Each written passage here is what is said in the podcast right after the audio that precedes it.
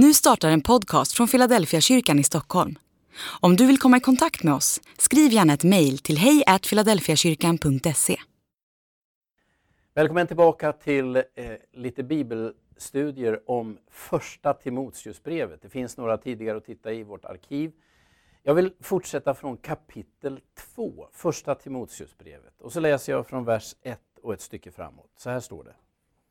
Först och främst uppmanar jag till bön och åkallan, till förbön och tacksägelse för alla människor, för kungar och alla som har makt, så att vi kan leva ett lugnt och stilla liv, på allt sätt fromt och värdigt.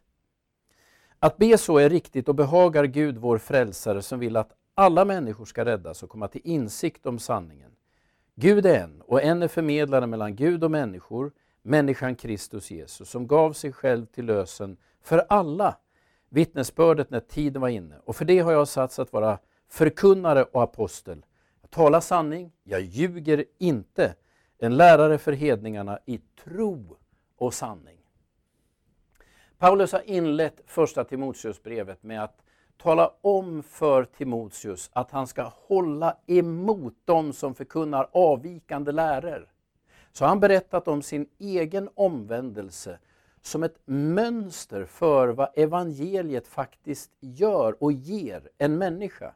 Och förmodligen berättar han ju det för att hålla emot de här främmande förkunnarna som har en helt annan idé om vad det här går ut på. Paulus säger det är bara nåd. Och så går han vidare och börjar tala om att man ska be för alla människor.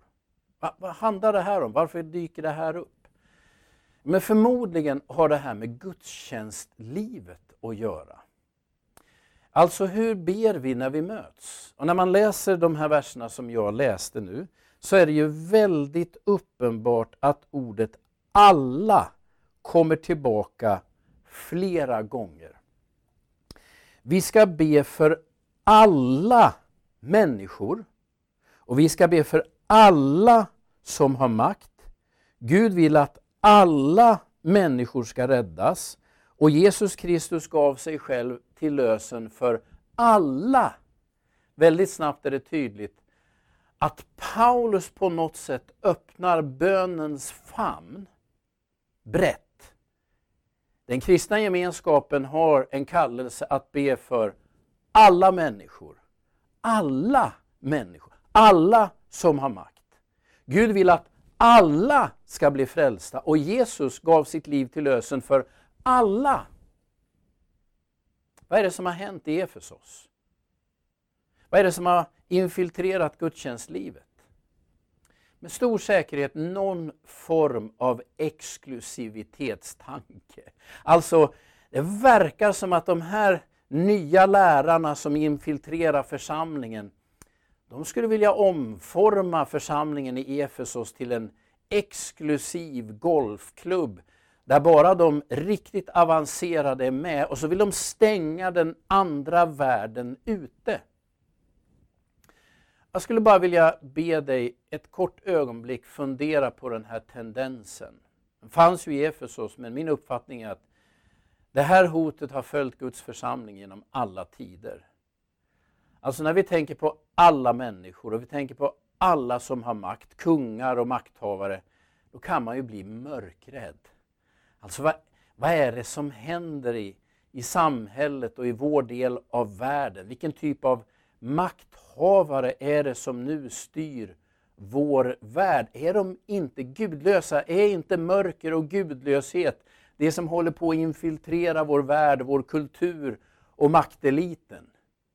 Det finns snabbt en tendens att börja skapa ett tydligt vi och dem. Vi här som lever i ljuset, i Guds värld. De där som inte har med Gud att göra överhuvudtaget, de är i mörker. Om man inte aktar sig så kommer det där att göra att vi snart börjar predika ett annat evangelium än det Nya Testamentet talar om och det som Paulus ger sitt liv för.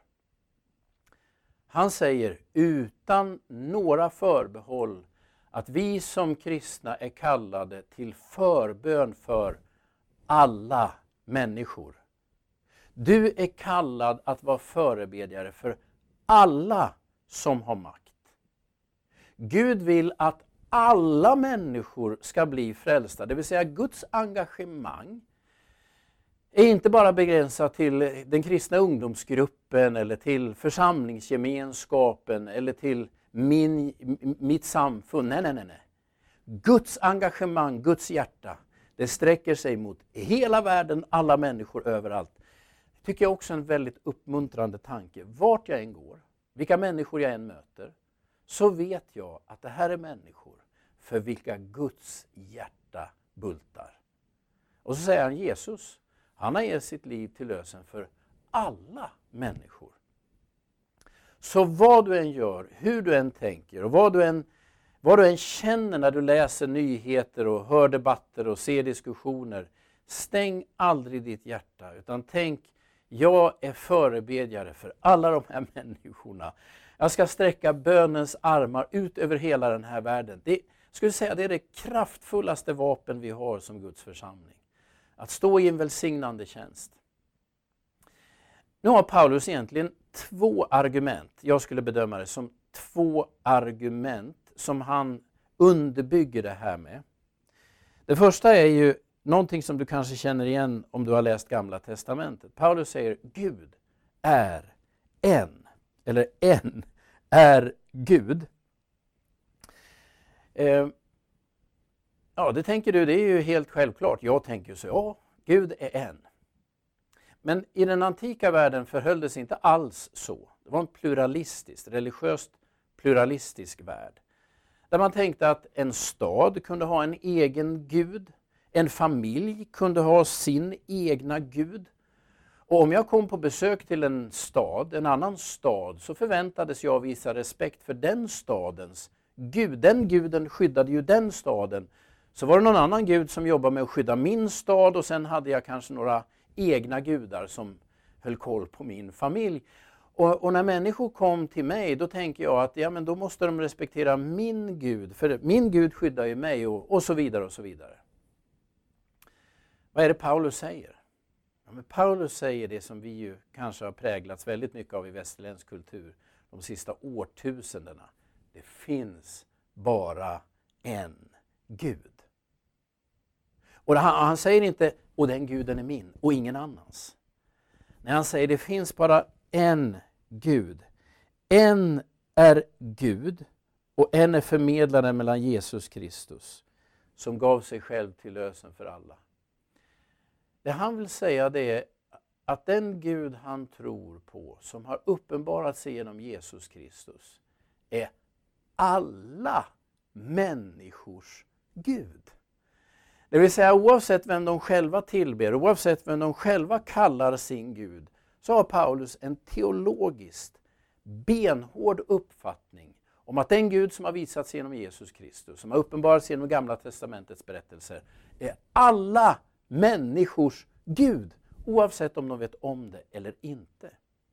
Och med den insikten, att Gud är min grannes Gud, Gud är min arbetskollegas Gud, han deras skapare, han är den som upprätthåller dem, han är den som är med och ser, vakar över dem och har ett engagemang för dem. Med den insikten, när den får sjunka ner, då inser du också att du ska vara förebedjare för alla de här människorna. Du är ju den som kanske känner och vet det de själva ännu inte har sett, men förhoppningsvis en dag kommer att förstå.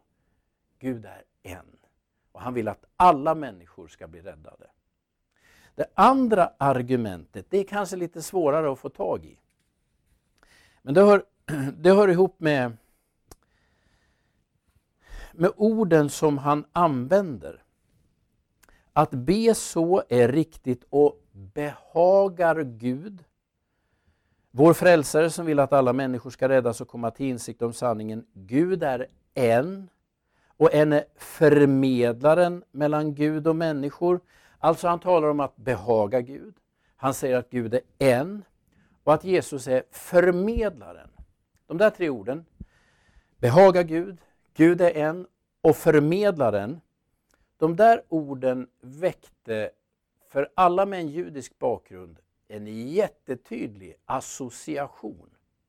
Alltså man fick direkt referenser det är väl ungefär som om jag säger förgrymmade unge. Snickarboa. De flesta av er, åtminstone de som har vuxit upp i Sverige, ni vet direkt att det där syftar på Emil i Lönneberga. Eller om jag säger stormvind, främling, genom allt. Förmodligen tänker ni på Carola, välkänd sångerska i vårt land. Alltså, ibland räcker det att säga ett ord eller två så får vi en hel associationsvärld i huvudet. Vi, vi kopplas vidare till en berättelse och ett sammanhang.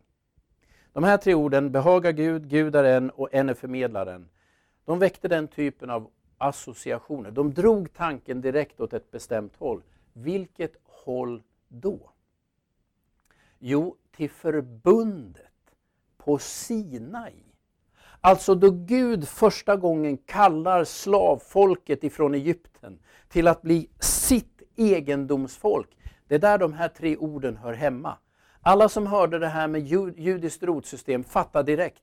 Det här är förbundsspråket. Det här är Sina i förbundet som börjar klinga igen.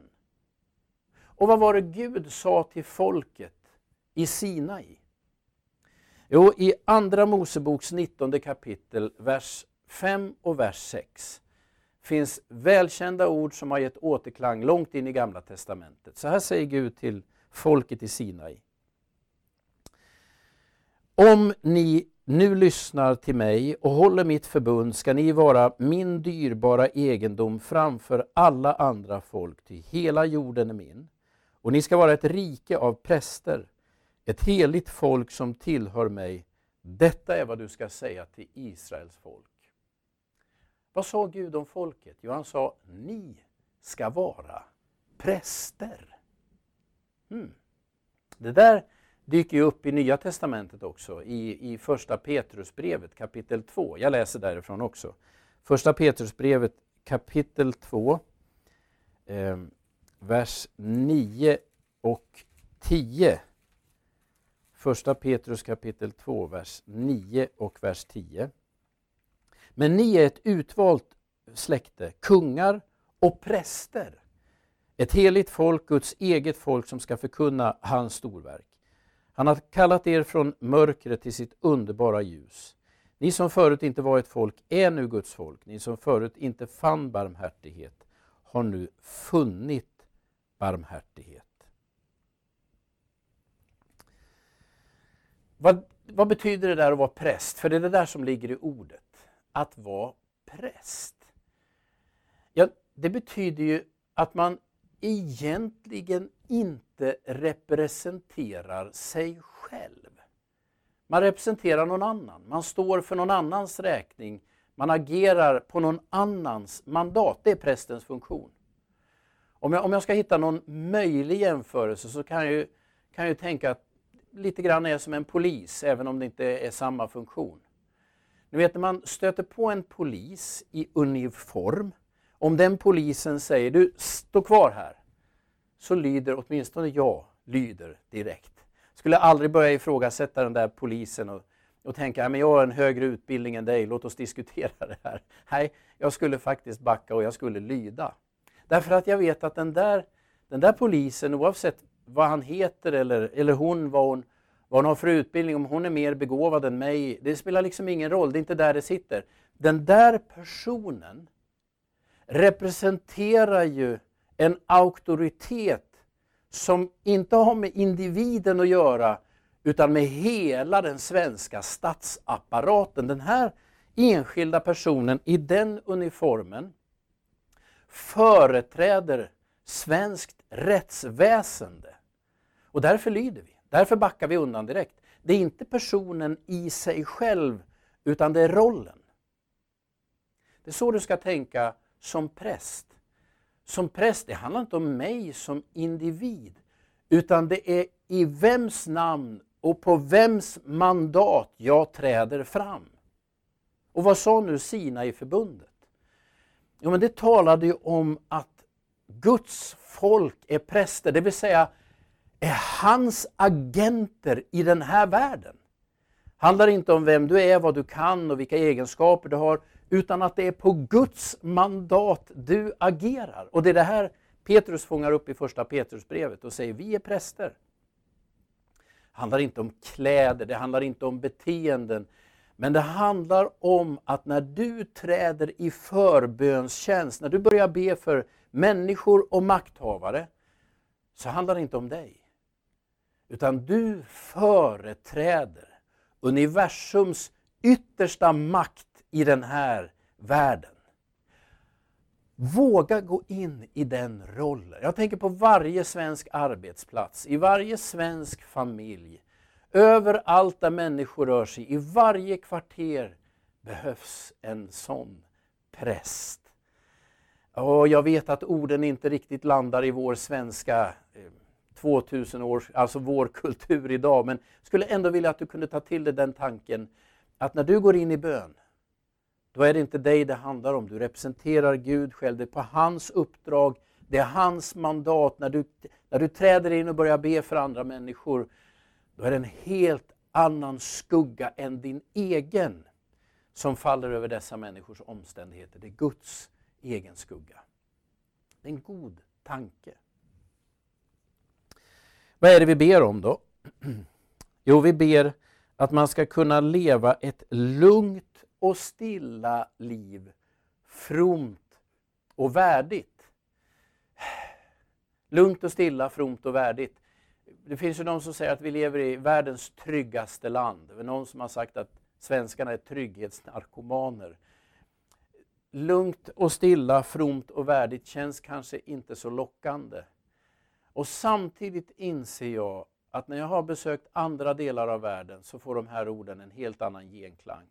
Delar av världen där rättsapparaten inte fungerar, där rebeller kan göra vad de vill med vem de vill och komma undan utan några som helsta påföljder. Där blir de här orden plötsligt otroligt levande. Tänk att vi kan leva lugnt och stilla, fromt och värdigt. Det vill säga, jag har rätt och frihet att utöva min tro. Jag kan liksom leva i linje med det evangeliet säger utan att riskera förföljelse, vare sig för mig eller min familj. Jag kan leva lugnt och stilla, alltså i trygghet. Det är så värdefullt och det är definitivt inte självklart. Vad är det vi ber om för alla människor? Jo, men vi ber att alla människor skulle kunna få leva lugnt och stilla, tryggt och värdigt, fromt och värdigt. Och när jag läser det så tänker jag ibland på Stockholms förorter och en del andra förorter där människor just nu berövas det här. Det är inte längre lugnt och stilla. Det är inte fromt och värdigt. Ovärdigheten, omänskligheten, ofriden trycker på. Naturligtvis är det en politisk fråga och jag tror att våra svenska makthavare ska göra allt som står i deras makt för att bringa ordning och ge vanliga människor goda förutsättningar. Men det finns en sak till vi kan göra, du kan göra. Du kan träda in i förbönstjänst. Be för områden, be för människor, be för de som är utsatta, be för de som saknar hopp om en framtid, be för olika gängkriminella ungdomar att de ska få uppleva det Paulus en gång upplevde, att Guds nåd bryter in, hjärtat förvandlas, att Gud ska välsigna alla människor. Det var när det här började kollapsa i Efesos, när församlingen vände sig inåt och började odla sin egen fromhet, slutade bry sig om världen där utanför och människorna där utanför. Det är då alla larmsignaler löser ut hos Paulus och han säger, nej, det är inte det här det handlar om. Det här är inte evangelium, det här är någonting falskt. Och så ger han Timoteus tydliga direktiv att det är så här en gudstjänst ska firas. Bönen ska öppnas ut över hela världen mot alla människor, alla makthavare. Det är en förbön om att alla människor ska kunna leva lugnt och stilla, fromt och värdigt. Det är en vacker bön. Ta med den och låt den prägla dig den här dagen och den här veckan. Gud välsigna dig.